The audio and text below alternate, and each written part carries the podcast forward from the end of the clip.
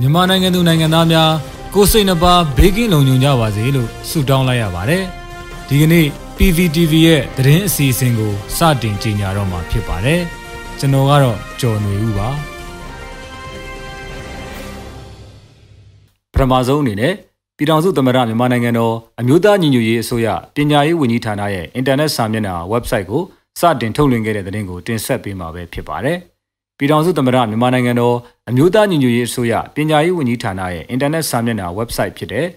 moe.nugmyanmar.org ကိုဇွန်လ29ရက်နေ့ညပိုင်းကစတင်ထုတ်လွှင့်ခဲ့တာကိုတွေ့ရပါတယ်။မတူကွဲပြားမှုကိုအခြေတည်သော Democratic Federal ပညာရေးစနစ်တရက်ကိုထိရောက်စွာအကောင့်ထဲပေါ်တိဆောက်ရန်ဥတီချက်ထားရှိသောအမျိုးသားညီညွတ်ရေးအစိုးရပညာရေးဝန်ကြီးဌာန၏တရားဝင်အင်တာနက်စာမျက်နှာ official website ကိုထုတ်လွှင့်လိုက်သည်လို့ အမျိုးသားညီညွတ်ရေးအစိုးရအဖွဲ့ရဲ့လူမှုကွန်ရက်စာမျက်နှာမှာဖော်ပြထားပါတယ်။အဆိုပါ website မှာပြည်ထောင်စုဝန်ကြီးဒုဝန်ကြီးများရဲ့ကိုယ်ရေးအချက်လက်တွေလုပ်ငန်းဆောင်တာတွေဌာနဖွဲ့စည်းပုံအမိန့်ကြေညာချက်တွေနဲ့ဆက်သွယ်နိုင်မဲ့ email တွေကိုပြည်သူလူထုသိရှိစေရန်ဖော်ပြထားပြီးစင်ဆက်မပြတ်ပညာရေးကဏ္ဍတွင်ဂျားကာလပညာရေးအခြေခံအဆင့်မြင့်နှင့်တက်မွေးပညာရေးအစီအစဉ်တွေနဲ့ Federal ပညာရေးကဏ္ဍတွင်ဖွဲ့စည်းပုံအခြေခံဥပဒေနှင့် Federal စနစ်သင်တန်းအခြေခံလူအခွင့်အရေးသင်တန်းတွေကို ဘယ်လိုတက်ရောက်သင်ကြားနိုင်တယ်လဲစတာတွေကိုအသီးသီးဖော်ပြထားတာကိုတွေ့ရပါတယ်။ထို့သောဖော်ပြထားရမှာမြန်မာပြည်သူပြည်သားများသာမကကမ္ဘာနိုင်ငံအသီးသီးမှာလည်းဝင်ရောက်လေ့လာနိုင်ရန်အတွက်မြန်မာအင်္ဂလိပ်နှစ်ဘာသာဖြင့်ဖော်ပြထားတာကိုတွေ့ရပါတယ်။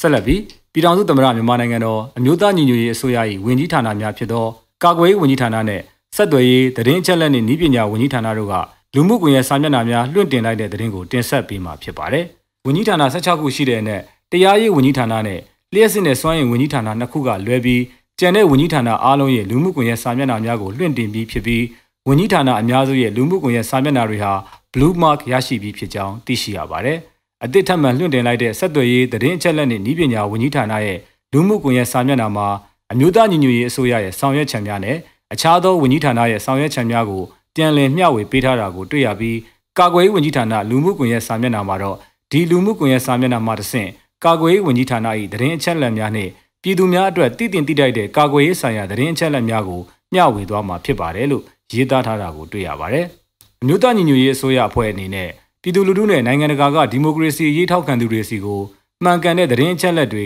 အချိန်နဲ့တပြေးညီရောက်ရှိနိုင်ဖို့အတွက်သတင်းမီဒီယာတွေနဲ့ပူးပေါင်းဆောင်ရွက်လျက်ရှိသလို website, Facebook, YouTube, Telegram, TV channel, radio စတဲ့ media channel အစုံသုံးပြီးသတင်းအချက်အလက်တွေထုတ်ပြန်ပေးနိုင်ဖို့ကြိုးစားနေပါတယ်လို့အမျိုးသားညီညွတ်ရေးအစိုးရအဖွဲ့ဗဟိုသတင်းအချက်အလက်အဖွဲ့ကတာဝန်ရှိသူက PVTV ကိုပြောပါတယ်။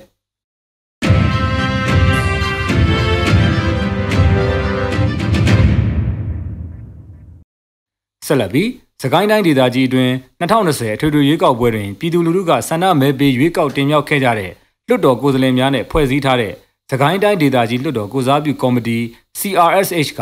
ကြေညာချက်အမှတ်စနစ်မြင်းဆောင်2021ကိုထုတ်ပြန်လိုက်တဲ့သတင်းကိုဆက်လက်တင်ဆက်ပေးမှာဖြစ်ပါတယ်။ပြည်ထောင်စုသမ္မတမြန်မာနိုင်ငံတော်တိုင်းဒေသကြီးနှင့်ပြည်내အသီးသီးတို့တွင်2020အထွေထွေရွေးကောက်ပွဲ၌ပြည်သူလူထုကဆန္ဒမဲပေးရွေးကောက်တင်မြှောက်ခဲ့ကြတဲ့ရွေးကောက်ခံလွှတ်တော်ကိုယ်စားလှယ်များဖြင့်တိုင်းဒေသကြီးနှင့်ပြည်내လွှတ်တော်ကိုစားပြုကော်မတီများဖွဲ့စည်းဆောင်ရွက်ခဲ့ကြရာသခိုင်းတိုင်းဒေသကြီးလွှတ်တော်ကိုစားပြုကော်မတီဟာလည်းတခုအပါအဝင်ဖြစ်ပါတယ်။ အဆိုပါသခိုင်းတိုင်းဒေသကြီးလွှတ်တော်ကိုစားပြုကော်မတီ CRSH ကကြေညာချက်အမှတ်စနစ်မြင်းဆောင်2021ကိုဒီကနေ့နေ့စွဲနဲ့ထုတ်ပြန်ပါတယ်။အဆိုပါကြေညာချက်အပြည့်အစုံမှာသခိုင်းတိုင်းဒေသကြီးလွှတ်တော်ကိုစားပြုကော်မတီကြေညာချက်အမှတ်စနစ်မြင်းဆောင်2021 2021ခုနှစ်ဇွန်လ28ရက်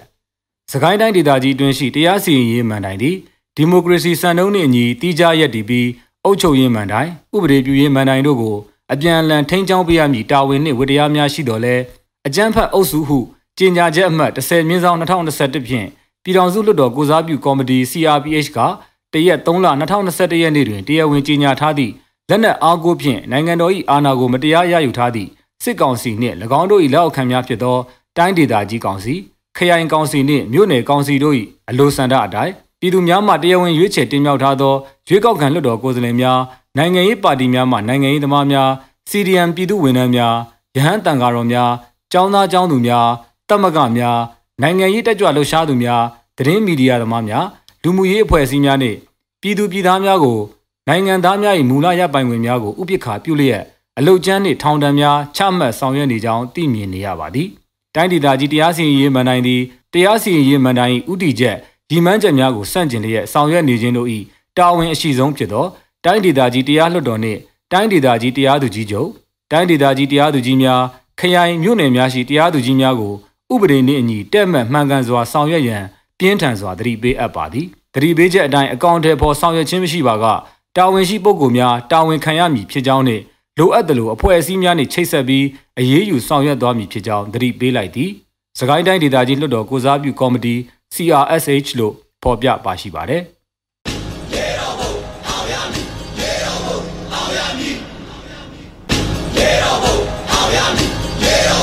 အောင်ရမည်